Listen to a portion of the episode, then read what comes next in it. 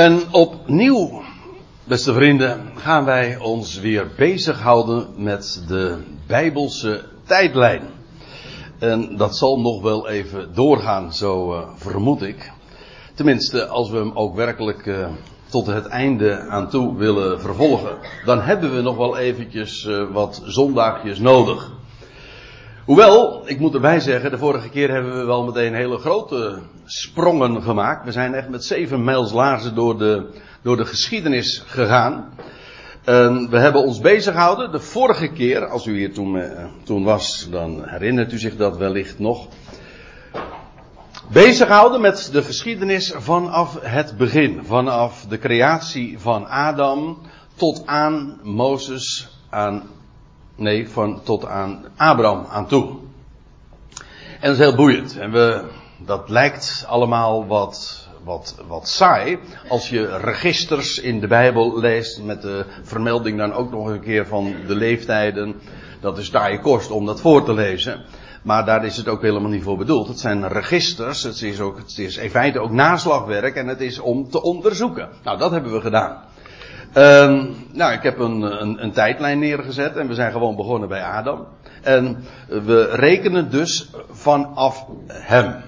Van, we, we, noemen dat aha anno hominis. Vanaf de mens. Vanaf de schepping van de mens. Dus we rekenen niet voor en na Christus enzovoort. Het is een andere tijdlijn. Een heel, eigenlijk een heel voor de hand liggende. En dan moet ik er trouwens ook nog even bij zeggen. Ik werd er van de week nog eventjes met een vraagje bij bepaald.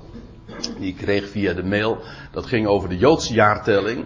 Die ook uitgaat trouwens van Adam. Maar zoals u weet, dan zitten we ergens uh, halverwege de, het jaar. De, de 57ste, nee, de 58ste eeuw. 57, 77? Zoiets. Ja. In ieder geval. Um, je zou zeggen van nou ja, dat betekent dus dat we nu in, het jaar, in dat jaar zitten. Maar daar zitten nog wat haken en ogen aan. Want uh, als het mij vraagt, en we willen dat ook uh, met precisie nagaan, zo in de loop van de zondagen. Dat daar toch wel een paar honderd jaar uh, men zich verrekend heeft. Wist u trouwens dat die tijdlijn, of de chronologie zoals de Joden die hanteren, dat die van later oorsprong is, nieuwer is dan de christelijke jaartelling? De christelijke jaartelling die dateert ergens uit de derde of vierde eeuw. En de Joodse jaartelling, die is, die is veel later begonnen, ergens in de, pin me er niet op vast, maar ik geloof van ergens in de negende of tiende of elfde, elfde eeuw van onze jaartelling. Dus met terugwerkende kracht is men gaan rekenen vanaf Adam. Maar goed, daar zitten dus wat uh, bugs in, zal ik maar zeggen. Wij zijn uh, uh, gewoon puur afgaand op de informatie vanuit de schrift, ja, dan begin je met Adam. En dat was het eerste jaar. Dat was ook nog even iets. Uh, dat is wel even van belang om dat uh, erbij gezegd te hebben. De vorige keer heb ik dat wat uh, uitgebreider gedaan. Je moet dan inclusief rekenen. Dat wil zeggen, het is niet zo dat Adam het eerste jaar het jaar nul was. Nee, dat was het, dat was het jaar één. Dus dat heet inclusief rekenen. Wij, wij zeggen van, als je dan één jaar geworden, dan ben je één. En het, het, eerste jaar ben je gewoon dan nog nul. Nee, dat is, zo rekenen, rekent de schrift in ieder geval niet. Dus, dat was uh, jaar, het jaar 1. Nou ja, en dan kun je in het, in het 130ste jaar, ergens in het 130ste jaar werd van Adam. We hebben het allemaal de bonnetjes erbij gelegd. Werd uh, ergens in het 130ste jaar, dus we rekenen halverwege. Hè, voor het gemiddelde. Uh, 129,5 werd Seth geboren. Ja, dat waren onwijze leeftijden, zoals we die met name dan voor de zondvloed uh, vermeld vinden, totaal andere leefomstandigheden. Dat is onge, ongekend. Nou, en zo zijn we de tijdlijn uh, doorgegaan. Je kunt het allemaal zo nalezen. Van Enos naar Kenan en zijn zoon was dan weer Mahalalel en diens zoon was Jered. En Oh, ja, dan krijg je Henoch en u weet hem, Methuselah. Uh, Methuselah uh, en al die leeftijden kun je zo keurig vermelden. Dat wil zeggen, uh, iedere keer die leeftijden die hier dan staan opgegeven, is wanneer hun, zeg ik het nou goed? Hè?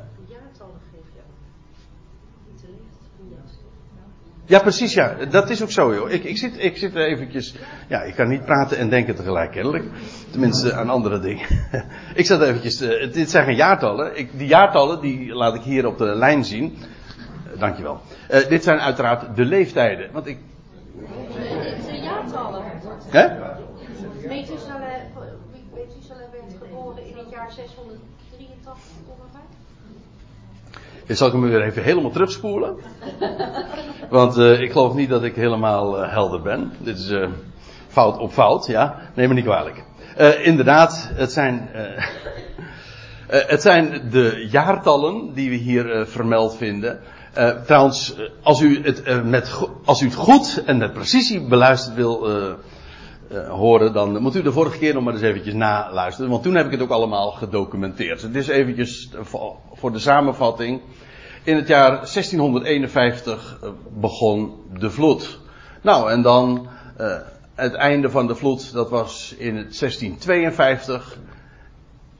Vervolgens worden deze namen allemaal vermeld. Peleg was de naam in wiens dagen de aarde verdeeld werd, lees je. Dat is dan hoogstwaarschijnlijk de tijd geweest van de, de, de torenbouw van Babel.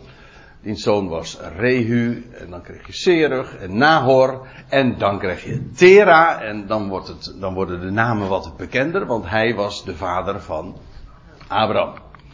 En Abraham werd dan geboren, en dat was uh, het einde van de eerste studie hierover, de eerste toespraak. Abraham werd geboren precies in het jaar 2000 vanaf Adam dus. En dat was tevens het jaar waarin Noach overleed. En dat was een hele opmerkelijke, zoals we de, nog vele gaan aantreffen, een hele opmerkelijke samenstand. De, het feit dat hier eh, de, werd een hele oude periode, twee millennia ook, werden afgesloten, maar tevens een heel nieuw begin. Abraham, de uitroeping van Abraham, en daarmee feitelijk ook dus het begin van het bestaan van het volk van Israël. God die een nieuwe aanvang maakt. Dat blijkt allemaal in het jaar 2000 eh, te zijn gebeurd. En dat is heel opmerkelijk. Want eh, ja, deze getallen, die worden weliswaar zo allemaal in de Bijbel opgeleverd eh, en aangeleverd, maar zelden, en deze in elk geval niet, worden bij elkaar opgeteld. Dat is wat wij dan geacht worden te doen. Ze worden juist heel uitdrukkelijk vermeld, soms ook uh, heel dikwijls met herhaling juist, waarmee wordt aangegeven van je kunt hiermee rekenen. En dan kun je gewoon optellen. En dan kom je dus tot deze aantallen en deze getallen. Nou, dat is waar we de vorige keer geëindigd zijn. Die hele periode hebben we met elkaar zo in vogelvlucht bezien. En dat betekent dat wij vandaag beginnen bij Abraham. Nou, de geboorte van Abraham, we hebben het vastgesteld. Dat was in het jaar 2000, gerekend vanaf de creatie van Abraham.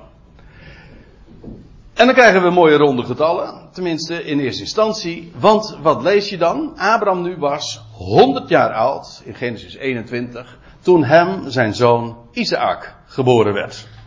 Nou, dat is een bekend fenomeen. Sarah was 10 jaar jonger. Maar dat betekent dus dat we eh, een getalletje eh, op de tijdlijn erbij kunnen vermelden. Want als Abraham dan geboren werd in 2000, dan werd zijn zoon Isaac dus geboren in het jaar 2100. Ja, daar is niet zo heel veel rekenwerk. Dat snap ik zelfs, hè? Ja. En, en nou komen we op iets, iets bijzonders.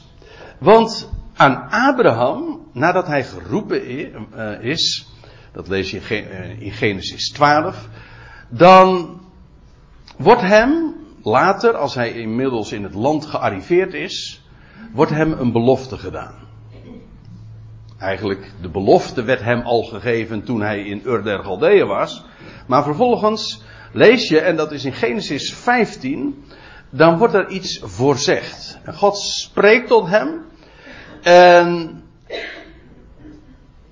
hem wordt ook verteld dat een, een profetie op de langere termijn. Want laten we het gewoon maar lezen. In Genesis 15, vers 13. Daar staat. En hij, en dat is mijn hoofdletter, dus God, hij zeide tot Abraham, weet voorzeker dat uw zaad, Abraham was nog helemaal geen vader, uh, zelfs Ismaël, uh, die was ook nog niet eens geboren, maar die wordt sowieso ook niet voor zijn zaad gerekend, zijn nageslacht. Uh, dat was eigenlijk een, uh, een intermezzo, zeg maar. In elk geval, God voorzegt, weet voorzeker dat uw zaad, uw nageslacht dus, vreemdelingen zullen zijn in een land dat het hunne niet is. Eigenlijk was dat voor Abraham nu toen al het geval, want hij bevond zich in een land wat helemaal niet zijn eigendom was. Maar ook voor zijn zaad zou dat gelden. Ze zullen vreemdelingen zijn in een land dat het hunne niet is. En dat zij hen dienen zullen en dat die hen ook zullen verdrukken. Zo zou het ook daadwerkelijk gaan. En dan staat erbij 400 jaar. Doch ook het volk dat zij zullen dienen, en wij weten achteraf dat is het volk van Egypte geweest, zal ik richten. We weten allemaal de, de gerichten, dus een bekende geschiedenis, de plagen die over Egypte kwamen, voordat het volk Israël daadwerkelijk bevrijd werd uit Egypte. Het volk dat zij dienen zullen, Egypte, dat zal ik richten en daarna zullen zij, daarna, na die 400 jaar, zullen zij met grote haven, dus met al hun bezit, met uittrekken. En dat is wat dan ook uh, bekend staat als de uittocht. Of beter nog uh, bekend, nou niet beter, maar in ieder geval ook wel bekend als Exodus. Wat Exodus betekent niks anders dan uittocht. Dat betekent dat vanaf het moment dat Abraham zaad heeft, na, nageslacht dus, een kind heeft, en dat was op zijn honderdste, uh, dat was uh, toen in zijn honderdste levensjaar, oftewel in het jaar 2100. Vanaf dat moment gerekend, krijg je 400 jaren tot aan de uittocht. Dat is wat hier gezegd wordt. Het wordt met, uh, met nadruk ook zo verklaard. Weet voorzeker dat uw zaad en dan. Al die tijd hadden ze geen eigen land. En voor een groot deel van die tijd zijn ze ook vervolgd. Feitelijk is het al vanaf het begin dat, dat Isaac geboren werd, werd hij al vervolgd en verdrukt. Je leest dat in verband met Ismaël. Hè? Dus hier wordt, uh, in het, uh, hier wordt al gezegd dat als zijn, het zaad van Abraham geboren zou worden, en dat was dus in het jaar 2100, zo, zo weten we later. Vanaf dat moment kun je 400 jaren rekenen en dan zouden we uitkomen bij het uittrekken uit het land Egypte. En dat betekent dus dat je dan gearriveerd bent in het jaar 2500. Waarvan akte? We komen daar straks op terug. Maar eerst nog eventjes over die, die periode zelf. Want eigenlijk, wat wij vanmorgen doen, is ons bezighouden met, met dat tijdvak. Dit tijdvak tussen het jaar 2000, dat wil zeggen de geboorte van Abraham, en de uittocht uit Egypte. Deze 500 jaren. En let op, de keren dat we nu nog meer over dit onderwerp um, zullen nadenken en dat in de schriften zullen nagaan, iedere keer opnieuw kom je die 500 jaren weer tegen. Ik bedoel die tijdslengte. Dat zullen we ook de volgende keer weer zien. Die keer daarop. Iedere keer stukken van 500 jaar. En die, deze periode wordt op uh, verschillende wijzen trouwens ook nog elders genoemd. Laten we eerst eventjes naar het Nieuwe Testament toe gaan. Naar de Galatenbrief. Daar schrijft Paulus. En daar noemt hij een iets ander getal. Maar dat moeten we dan nog eventjes zien um, te achterhalen wat hij daarmee bedoelt. Paulus schrijft daar, hij gaat daar ook uh, in op de geschiedenis van Israël. Hij gaat erop in dat, ja, dat heel die tijd van Adam tot tot Mozes de mensheid niet leefde onder de wet. De wet werd gegeven in het jaar van de uittocht. Datzelfde jaar heeft God ook, nadat ze uit, uit het land Egypte waren getrokken, heeft hij ze een paar maanden later de wet gegeven. Maar dat betekent dus al die jaren daarvoor aan, aan voorafgaand, 25 eeuwen dus, heeft de mensheid niet de wet gehad.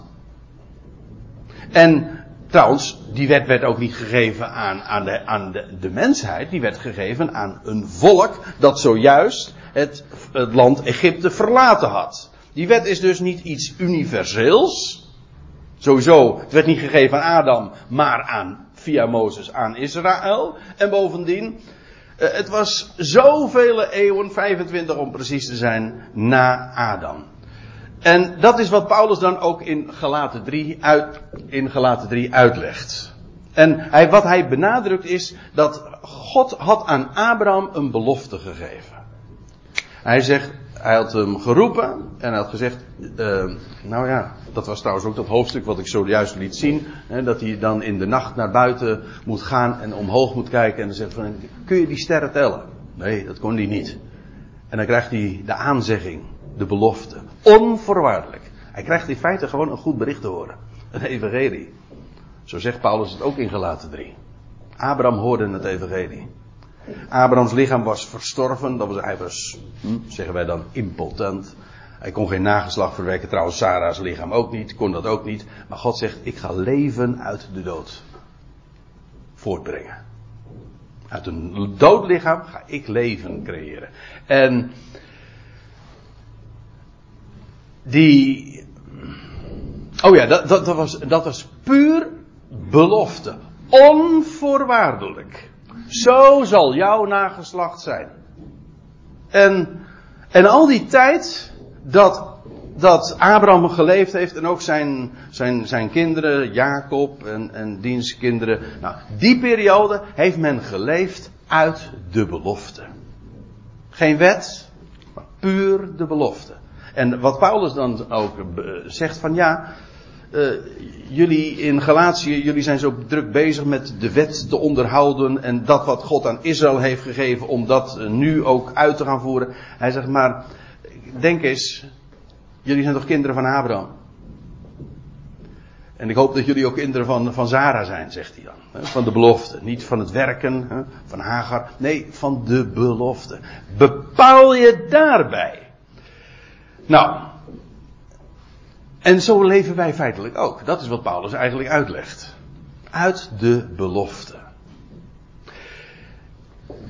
Hij zegt dan dit. Ik bedoel dit. De wet die 430 jaar later is gekomen, maakt het verbond waaraan door God tevoren rechtskracht verleend was, niet ongeldig, zodat de belofte haar kracht zou verliezen. Nou, dat is in een, eh, dit is een zin die in een heel betoog een, een bepaalde betekenis heeft. Maar één ding, eh, daar gaat het nu eventjes om. Eén ding is duidelijk, dat de wet 430 jaar later, ja ik geloof dat, ik geloof dat daar ook een uittocht plaatsvindt.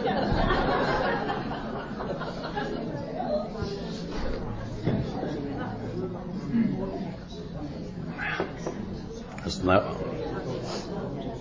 als nou blijft aanhouden, dan gaan wij gewoon hier uittrekken.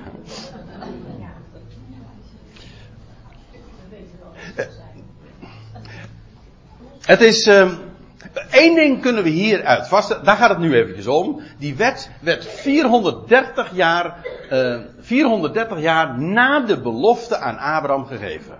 Ziet u? Dat is wat, wat Paulus hier zegt. De wetgeving was 430 jaar na de belofte aan Abraham. En dat betekent dat Abraham werd geroepen toen hij 70 was. Hm? Kijk, hier werd de wet gegeven. En ja, laat ik het meteen. Hier werd de wet gegeven. En hier ontving hij de belofte. En wanneer ontving hij de belofte? Hij ontving reeds de belofte in Genesis 12, hè, toen hij geroepen werd uit Ur der Galdeeën. En dat is dus een periode van, gerekend vanaf het moment dat Abraham de belofte kreeg, tot aan de wetgeving. Paulus zegt dat is 430 jaar. Dat wil zeggen, hij werd geroepen uit Ur der Galdeeën. Abraham is naar het uh, land gegaan.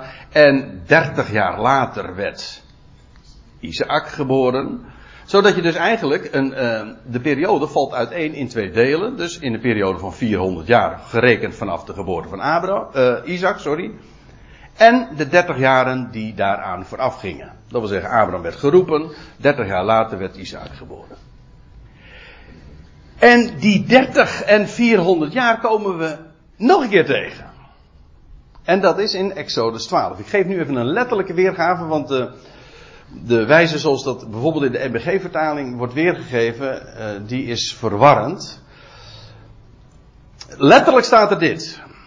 De woning van de zonen van Israël, Exodus 12, even voor de goede orde. Exodus 12 is dat hoofdstuk dat Israël uittrekt uit Egypte. En dat was op een markant tijdstip. Een heel markant jaar. Ja, het was een heel markante dag. Dat is wat hier in Exodus 12 dan gezegd wordt. Want hier wordt een hele periode afgesloten. Als Israël uittrekt uit Egypte, dan wordt daarmee een periode afgesloten. De woning van de zonen van Israël, de zonen van Jacob dus, die wonen in Egypte, was 30 en 400 jaar. Ze hebben niet, ze, zoals de MBG-vertaling weergeeft, dat ze 430 jaar in Egypte gewoond hebben. Nee, de zonen van Israël, die wonen in Egypte. Die periode, die hier nu werd afgesloten, was 30 en 400 jaar. Zo staat het er letterlijk. Wij zeggen dan 430. Nee, staat letterlijk, er was 30 en 400 jaren. En aan het einde van 30 en 400 jaren, juist op de dag af gingen al de legerscharen van Yahweh uit het land Egypte. Ik zei al, dat was een geweldige uittocht. Hè? Dat, ja, dat volk was in Egypte uh, gigantisch uitgebreid. Dat wordt ook nog met, op, met heel uitdrukkelijk vermeld. Dus, dat was, ja, nou ja, nee, laat ik het netjes zeggen, want dat, dat volk was in een paar eeuwen tijd, terwijl ze daar in Egypte verbleven, waren ze gigantisch in aantal toegenomen. En toen, na die 430 jaren, eh, trokken ze uit Egypte. En uh, er wordt er nog bij gezegd, dat was juist op de dag af, wij zijn al blij, dat we, of ik was al blij dat ik dat uh, kon vaststellen dat het op het jaar nauwkeurig was. Maar in Exodus 12 wordt zelfs gezegd, het was op de dag nauwkeurig. Toen Israël uittrok uit Egypte, werd daar een periode van 430 jaar afgesloten. Namelijk op de dag nauwkeurig. Dat betekent we weten, de dag dat ze uittrokken uit Egypte, dat was de 14e Nisan, hè? of de 14e Aviv, beter bekend. Dat was de dag van het Pascha. Dat betekent dat als de uittocht op, in, in dit jaar, maar ook op deze dag plaatsvond, op de Pascha, en sterker nog, het Pascha dateert juist uh, vanaf dat moment. Toen is het Pascha ook ingesteld. Toen, op die dag, trok uh, trok Israël uit het land Egypte. Dat, en daarmee was op de dag, niet alleen op de, het jaar, maar op de dag af een periode van 430 jaren afgesloten. Met andere woorden, dit was tevens de verjaardag van de belofte. Dus je krijgt dit toen Abraham geroepen werd in Egypte. Uh, sorry, weer een fout. Toen Abraham geroepen werd in Ur der Galdeeën en de belofte van God ontving, was dat, zo weten we hier, vanuit dit schrift gegeven, dat was op een 14e Nisan, dat moet wel. Want het was op de dag nauwkeurig 430 jaar. Of 30 en 400 jaar. Is dat niet opmerkelijk? God gaf zijn belofte. Dat staat niet vermeld in, in Genesis. Maar hier in Exodus wordt dat vermeld. Dat was op de veertiende Nisan. De dag dat het lam geslacht werd. En nou hebben we het de, deze, deze serie over, over tijdlijnen en over de Hebreeuwse Bijbel en over de hele wereldgeschiedenis. En het kan niet missen. We worden toch weer bepaald bij de Zoon van God. En laat ik het anders zeggen, bij het Lam van God. Want het is deze datum uh, ja, deze datum, deze 14e Nisan, deze 14e Aviv, dat onze Heer stierf aan het kruis. Precies die dag ook dus. En dat was dus de dag dat ook Israël uittrok uit Egypte.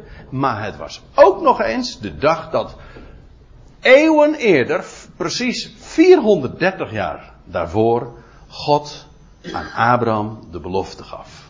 En zodat hij vervolgens uittrok, uit Egypte. Is dat niet opmerkelijk? Hoe dat getimed is. Het feit dat hier ook staat, het was 430 jaar uh, later, dat refereert ook aan de belofte die God had gegeven aan Abraham. God had al tegen Abraham gezegd, toen hij nog ineens kinderen had, maar hij zegt, je krijgt, je krijgt zaad, je krijgt nageslacht. Maar voordat jouw nageslacht daadwerkelijk zal gaan naar het beloofde land, dat duurt nog eeuwen.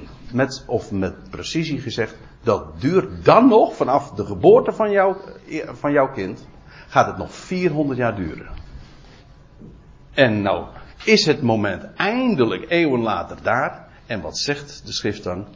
Toen was het precies, inderdaad, het einde van die periode van 400 jaar. En 30 jaar, maar dan gerekend vanaf de belofte. Perfect gedijnd. Op het jaar nauwkeurig en op de dag nauwkeurig. En als je eenmaal dus deze tijdlijn hebt, gewoon deze 500 jaren, dus die met precisie 500 jaren waren. Dus we hebben gezien, Abraham werd precies in het jaar 2000 geboren.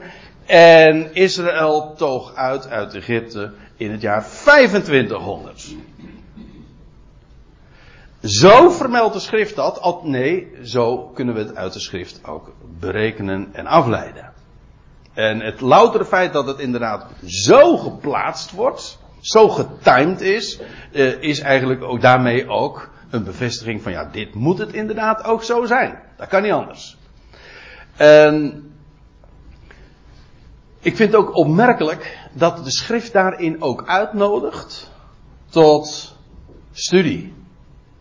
De schrift vermeldt de leeftijden en wij worden geacht daar, ja, geacht daar acht op te geven. En om daar aandacht aan te geven en dan, dan worden zulke structuren zichtbaar.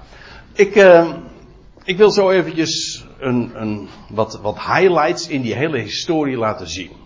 We hebben het over deze periode van 2000 tot vijf, het jaar 2500 vanaf Adam.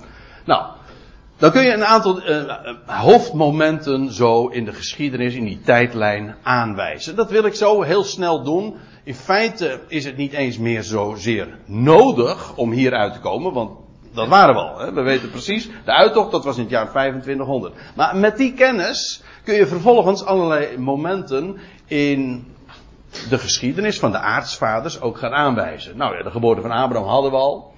In het jaar 70, eh, toen hij 70 jaar was, toen werd hij geroepen, dat was dus in 2070. En toen ontving hij de belofte. Uh, we weten trouwens nog iets, en dat is dat hij, uh, nog vijf jaar later, vertrok hij uit Haran en toen stierf ook zijn vader. En ik geef hier de teksten erbij, gewoon voor degenen die dat allemaal nog eens willen nakijken, van waar staat dat dan ook weer precies? Zodat, ik, ik ga nu dus niet naar al die schriftplaatsen toe om dat uh, aan te tonen, want dat zou echt veel te ver voeren. Maar ik vind het wel van belang om u ook echt te laten zien van, zo staat het er. Dus uh, in 2075 toen uh, vertrok hij uit Haran. en dat was het jaar ook dat zijn vader was gestorven. Nog weer 25 jaar later werd Isaac geboren. Dat hebben we ook al vastgesteld in het jaar 2100. Nog 37 jaar later sterft Sarah. Die was toen 127 jaar. Dat weten we, omdat Abraham 10 jaar ouder was. Dus uh, Abraham was toen 137. En dus kun je hier ook gewoon in. Uh, de, als het sterfjaar van Sarah kun je gewoon dus invullen op die tijdbalk. En dat was in het, jaar 2137. Nog drie jaar later lees je dat uh, Isaac, op een ideale leeftijd, hè, want ze zeggen dat toch, van je moet trouwens niet voor je veertig bent. Nou, dat deed, uh, dat deed Isaac ook niet. Hij was 40 jaar, lezen we, dat hij trouwde met Rebecca. En je leest ook dat uh, zo vond hij troost. We hebben hier ooit een paar keer een, een studie ook gewijd aan, uh, aan dat huwelijk van Isaac en de bruiloft met Rebecca. Maar in ieder geval, dan lees je dat Isaac toen troost vond na de dood van zijn moeder. dat was in het jaar 2140. Want Isaac was toen 40 jaar oud. Dan zijn, is Rebecca een, uh, een tijd lang, of het echtpaar, het kerstverse echtpaar, is dan een tijd lang kinderloos, blijft kinderloos. Dus iedere keer hetzelfde verhaal bij die aartsvaders. Dat de moeder onvruchtbaar blijkt. En dat was met Rebecca de eerste twintig jaar ook zo. En pas nadat zij twintig jaar getrouwd waren, kreeg ze een kind. Nou, wat zeg ik? Dan kregen ze meteen twee. Hè? Namelijk Jacob en Esau. Kunnen we ook gewoon invullen op de tijdlijn. Vijftien jaar later sterft Isaac, dus, pardon, Abraham. Abraham heeft zijn kleinzoons dus nog gewoon gekend. Hè? Tot toen waren zij, de jongens, 15 jaar oud. En toen stierf opa Abraham.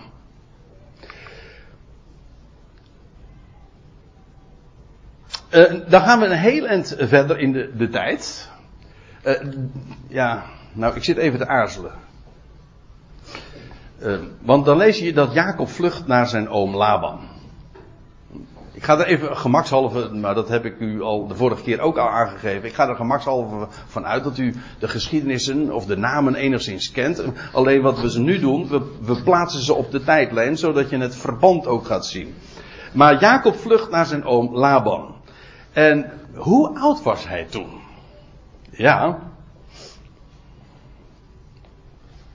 Als u, als u goed kunt rekenen, dan, dan, dan zegt u van, dan weet u het nu meteen al.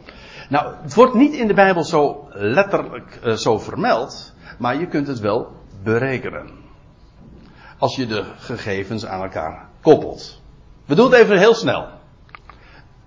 Uh, we weten dat Jozef 30 jaar was toen hij koning werd. En na zeven jaar overvloed en twee jaar hongersnood was die dus, was Jozef dus 39 jaar oud. En dat is belangrijk, want toen, toen Jozef 39 was, dan lezen we in Genesis 47 vers 9, toen was Jacob 130 jaar oud. Aha. Dus bij de uh, Jozefs geboorte was Jacob, 130 min 39, was hij 91 jaar oud. Ja, ik geef toe, ik weet nu, nu zijn er al een aantal mensen al helemaal afgehaakt. En zeggen, dit volg ik niet. Maar uh, echt waar, het, uh, reken het maar na. Ja, toen, bij, toen, bij Jozefs geboorte, we weten, toen had Jacob net twee keer zeven jaar gediend bij oom Laban. Dat betekent dus, dus trad Jacob in dienst, 91 min 14, toen hij 77 jaar oud was. En dat had u nou niet gedacht, denk ik zo. Dat...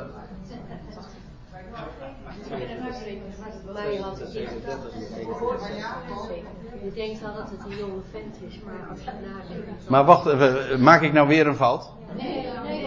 Oh, jullie hadden dit zo al berekend. Ja, nee, dat klopt, maar ik wilde L1 even aangeven hoe ik aan die berekening kom. Dat was mijn punt. En want dat vind je in de Bijbel niet. Als je dat in kinderbijbels leest, hè, dat, Jozef, dat Jacob dan zijn, zijn vader bedriegt. En dat hij dan vlucht. En dan denk je van, nou, dat was een ventje van, of uh, misschien 20, 25, 30. Nee, toen was het al een man van 77 jaar dus. En dat bedoel ik, ja. Ja. Nou, we komen er wel. Nogmaals, ik vermeld dit alleen maar om wat zicht te krijgen op de, op de tijdlijn om dingen te plaatsen. En dat levert soms echt van die mooie verrassingen op. En uh, van die, aha, was dat zo? Ja, en dan, dat is allemaal goed na te rekenen. In ieder geval, Jacob vlucht naar zijn oom Laban. We kunnen dus uh, ook daarvoor het jaartal gewoon invullen. En jo Jozef wordt dan geboren, nou dat, daar heb ik het al even over gehad. Jozef, toen hij 17 jaar oud was, lezen we, wordt hij, gaat hij naar Egypte. Dat was dus in 2268. Ja. Uh, voor de rest wordt het eigenlijk, zijn dat hele simpele gegevens dan om in te vullen. Als Jozef dan in Egypte is, dan sterft Isaac. Die was 180 jaar oud, weten we. En dat was dus in 2280. Een jaar later wordt Jozef koning. Daar heeft natuurlijk Isaac helemaal niets van geweten. Dit is trouwens ook wel voor sommige mensen, dat denk ik zo, eh, dat die zeggen, hè, was Isaac toen nog in leven toen Jozef naar Egypte trok? Jazeker, jazeker. Maar hij heeft dus niet meer uh, meegemaakt dat Jozef koning werd. Trouwens, uh, de rest die het wel meemaakte, die wisten er niks van. Dus goed. Jozef wordt koning in het jaar 2281. Het is een hele tijd, nog weer over negen jaar later, dat Jacob aankomt in Egypte. En toen was hij dus 130 jaar oud. Ik had het daar al even over. Nog weer een stuk jaren later, want Jozef wordt in totaal 110 jaar oud. Hij sterft en dus ook daarvan kunnen we het getal ook neerzetten. In het jaar 2361 uh, eh, sterft Jozef. Nou, en dat betekent dat in deze periode eigenlijk al vanaf de aankomst van Jacob in Egypte. U weet, hij kwam, Jacob kwam met zijn hele familie. Niet alleen met zijn twaalf zonen. Je leest 70 zielen. Met 70 zielen arriveert hij daar in Egypte. En vanaf dit moment tot aan dit moment is het, het huis van Jacob gigantisch uitgebreid. Hoe dat getalsmatig uh, in elkaar steekt, dat is nog weer, dat is een heel verhaal apart. Want sommige mensen rekenen dan in termen van miljoenen. Maar dat lijkt mij niet. Dat het niet, in de vertaling lezen we dan over 600.000 man die uittrok uit Egypte. Maar andere vertalingen geven weer 600.000, uh, 600 families, 600 eenheden. En dat uh, komt heel wat meer in de buurt als u het mij vraagt. Maar nogmaals, dat is een, een kwestie apart. In ieder geval, vanaf dit moment arriveert het de hele familie van Jacob, dus ook met alle aanwas en uh, aanhang en kleinkinderen, et cetera, arriveert in Egypte. En al die tijd blijft het volk daar in Egypte. En ze krijgen het steeds moeilijker, want je leest dat als Jozef sterft, uh, ja, dan komt er een, een farao, die hij, Jozef dus niet meer gekend heeft. En dan wordt de druk op het volk toe, uh, neemt toe. En uh, u weet het, ze zijn, ze, ze, zijn enorm als slaven behandeld. Aanvankelijk had het huis van Jacob een, een positie van aanzien toen ze daar aanvankelijk arriveerden, werden ze met egaars behandeld. Want ja, Jozef was de man. Maar goed, toen het volk zich ook gigantisch uitbreidde, zag, zagen de Egyptenaren en Farao, de leiders, dat het niet goed ging. En ze, ze vreesden zelfs dat dit volk zodanig zou uitbreiden dat ze de boel eh, zouden gaan domineren. En vandaar ook dat ze onderdrukt werden. Dat is dus allemaal in deze periode gebeurd. Dus in totaal in 140 jaar zijn ze dus, werd de druk steeds groter en werden ze ja, als slavenvolk uh, behandeld. En sterker nog, uh, uiteindelijk werden zelfs de, al, alle, mannen, alle, alle jongetjes die geboren werden, werden in de, in de Nijl geworpen. Want ja, om zo die groei van het volk te, uh, tegen te gaan en tegen te staan. En zo komen we dan uiteindelijk dan toch weer bij het jaar 2500 uit. En zo kun je, ja, als je, het is grappig, als je, je, kan het, je kan er echt bewegend beeld van maken. Dus hè, dan zie je gewoon dus dit. Hè. Oh, wacht, nou, dan ga ik wel veel te ver. Uh, in ieder geval, dan zie je dus die tijdlijn zo uh, verschuiven en zo al die momenten, die highlights, al die uh, grootste gebeurtenissen in die tijd kun je daarmee plaatsen. Nou, dat is eigenlijk ook de bedoeling van, van deze lijst. Nou wil ik nog iets bijzonders vermelden. En dat vind ik echt heel boeiend. De uittocht, zo hebben we vastgesteld, de, Exodus, vond plaats in het jaar 2500. Het jaar van de uittocht, ook dat stelde ik al eerder vast, dat was ook het jaar van de wetgeving. Een paar maanden later kregen ze beide Horeb eh, de wet. Het was dus ook het jaar, 2500, het jaar van de introductie van het jubeljaar. En wat is dat jubeljaar? Nou, het jubeljaar, daar is een heleboel over te vertellen. Dat is een hele bijzondere instelling. Israël werd eh, bepalingen gegeven over een sabbatjaar. Iedere zevende jaar zou men het land braak laten liggen, om maar wat te noemen. En het land niet verbouwen. En na zeven sabbatsjaren, dus na 49 jaren, kreeg je een jubeljaar. Dat was het vijftigste jaar. Het vijftigste jaar is een jubeljaar. En ieder vijftigste jaar, dat was ook het jaar waarin allen die in slavernij geraakt waren, in vrijheid werden gesteld. Dus alle slaven, de, Israël, de bepaling in Israël was, in het vijftigste jaar worden, wordt iedereen die slaaf is, in vrijheid gesteld. Er gebeurde in dat jubeljaar nog veel meer. Ook alle bezittingen die men verloren waren, eh, die verloren waren gegaan, die gingen weer terug naar de oorspronkelijke eigenaar, naar de oorspronkelijke familie. Het was een hele bijzondere instelling en Israël heeft die instelling nooit gehouden. Maar God houdt zijn woord wel. Maar het vijftigste jaar, dat is het jaar waarin de slaven in vrijheid worden gesteld. Het is dus eigenlijk ook, het heet jubeljaar, het is het jaar inderdaad van, van, van, van terugkeer, maar het is ook het jaar van in vrijheidstelling. En is het niet boeiend? Is het niet wonderlijk? Dat God, uitgerekend in het jaar 2500, het jubeljaar instelt. Want dit was dus feitelijk, als je rekent vanaf Adam, het vijftigste jubeljaar. Hè? 50, maar nu in het jaar 2500 waren 50 keer 50 jaren inmiddels verleden tijd.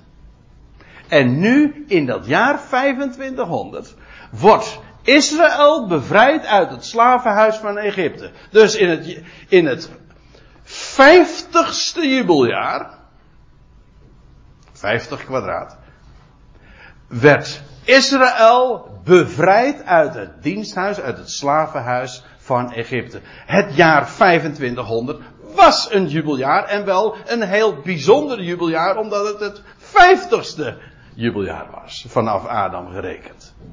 En zo had God het getimed.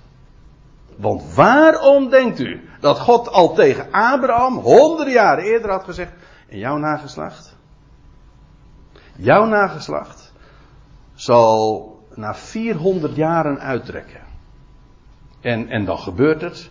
En dan de, degene die dat opgetekend heeft, Mozes dus, die zegt, dat was nauwkeurig.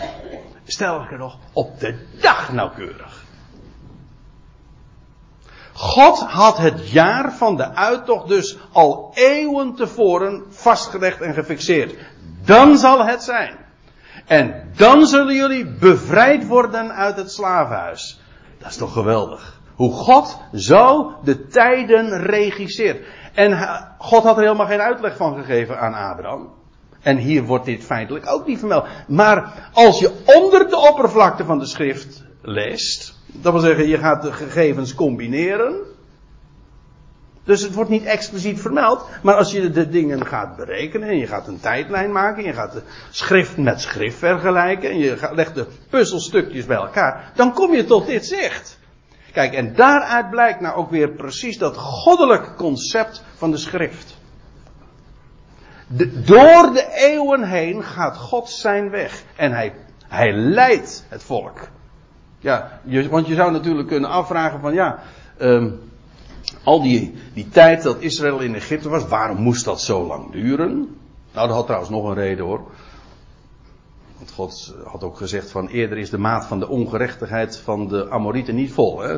Pas als dat, als, als daar in het land, het beloofde land zo'n, ik zeg het nu eventjes heel uh, plat, uh, zo'n zootje is. Pas als de maat vol is, dan gaan jullie er naartoe. Maar dat blijkt dan precies ook weer dat jaar te zijn. En dat is de opmerkelijkheid waar ik u telkens weer in deze serie op wil wijzen.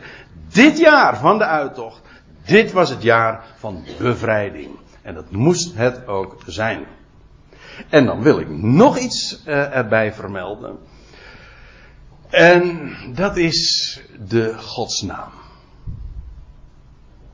En Mozes. Want die hebben alles met elkaar te maken. Over de naam van God, ja, daar raak je niet uitgedacht. Kijk, de naam van God, de betekenis. Hè? Ik ben er. Ik ben die ik ben. Dat is zijn naam. En zijn naam zingen wij ook, en dat staat in de schrift ook, zijn naam is wonderbaar. Maar ik zal u nu op een heel bijzonder aspect wijzen van het wonder van de naam van God. Je leest dat aan Mozes, dat wordt in Exodus 6 vers 3 vermeld, dat aan Mozes maakt hij zijn naam bekend. Abraham kende hem als de El Shaddai, of als de El Elyon, nou ja, diverse namen van God. Maar pas de, de eigenlijke naam van God, dat waren, die andere namen zijn beschrijvingen van God. Maar de naam van God, um, oh, ja, de naam van God, ja, de uitspraak is wat problematisch. Sommige mensen zeggen Jehovah, ik denk dat het Yahweh is. Dat zijn vier letters in het Hebreeuws. Ik heb ze hier vermeld. Dat is de Jod, dat is een tien. Ik weet het, hè, Jod is een tientje. Dat is de He, dat is de vijfde letter. Want, dat moet ik er ook nog even bij vermelden. Hebreeuwse letters zijn ook cijfers. Zodat als je een woord ziet, dan zie je dus ook een getal. En die naam van God, eh, dat is een combinatie van de tien, de he, de vijf, eh, de zesde letter, de waf en dan weer de he. Dus een tien, een vijf, een zes en een vijf. In totaal is die godsnaam staat dus voor het getal 26. Nou, over het getal 26 en de linken met andere begrippen, daar gaan we het niet over hebben, maar ik wil op iets anders wijzen. En dat is dat God zijn naam bekend maakt aan Mozes. En wat blijkt? Dat als je de generaties van Adam tot Mozes bij elkaar optelt, dan krijg je eerst Adam, Zet, Enos enzovoorts enzovoorts tot Noach. En dan krijg je de zonvloed. Tien generaties. Vervolgens krijg je vijf generaties tot aan de verdeling, die torenbouw van Babel. Dan volgen zes generaties tot aan dat Israël in Egypte komt. Want dat is dan de laatste. En dan krijg je weer vijf generaties. Dus, uh, zeg ik het goed? Ja. Je krijgt dus tien generaties, vijf generaties, zes generaties en weer vijf generaties.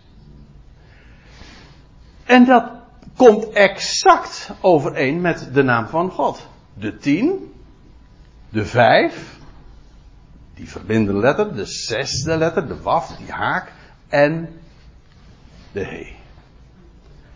En aan Mozes maakt God zijn naam bekend. Mozes was, gerekend vanaf Adam, de 26e generatie. God maakt zijn naam precies dan bekend. En die godsnaam drukt feitelijk ook uit de weg die hij gaat door de geschiedenis heen. Dat is toch wonderbaar? Kijk, als wij zeggen zijn naam is wonderbaar en zijn naam is ik ben en, en alle betekenissen die daaraan vastzitten, dan moet je ook dit niet vergeten. Namelijk het tijdstip dat hij die naam gaf. En dat hij hem aan Mozes gaf. En dat daarmee feitelijk ook heel de, de geschiedenis tot dan toe is samengevat. Namelijk van 26 generaties en dan ook nog precies die verdeling in vieren. En ga mij nou nog eens vertellen dat die schriften mensenwerk zijn. Het is een wonderbaar ontwerp en design. En ook een geweldige timing van God. Feitelijk is dat natuurlijk ook de, ja, de rode draad door deze hele serie. God is een God op wie we letterlijk en figuurlijk kunnen rekenen. Abraham wist bijvoorbeeld. Abraham wist al wanneer de uittocht uit Egypte plaatsvond, zou vinden. Ja, God had dat gezegd. Na 400 jaar. En dat komt exact. God voorzegt. God berekent. God timed. En dat doet hij op de dag nauwkeurig. Waarom nou op die 14e Nisan? Nou, gewoon omdat, vanwege de betekenis. Toen gaf hij zijn belofte. Toen trok eh, eh, het volk uit Egypte. Toen, nog weer vele eeuwen later, zou de zoon van God sterven aan het kruis van Golgotha. Precies op die dag. Waarom? Het is alles ontwerp, het is alles ook samenhang en het is alles ook een, een geweldig schilderij of een panorama van de weg die God gaat en hoe hij de dingen neerzet. De juiste plaats en ook in de juiste tijd. Zo'n God hebben wij. Ja, en ik moet u zeggen, ik ben daar bijzonder gelukkig mee. En dat die schriften, ja, die zijn. Kijk, ik zeg het vaak, maar die schriften zijn een complete bibliotheek.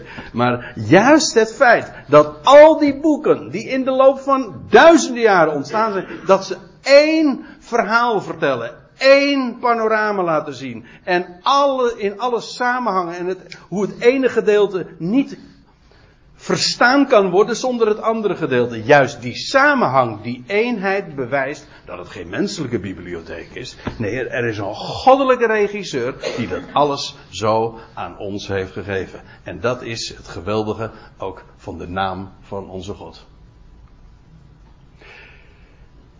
Dat wilde ik zeggen over het jaar 2000 tot 2500, over die tijdsperiode. En dat betekent dat we de volgende keer onze vogelvlucht gaan voortzetten. En dan gaan we het hebben over de tijd van Mozes tot aan Salomo. Ook weer 500 jaar. En ook dat biedt weer zoveel verrassingen.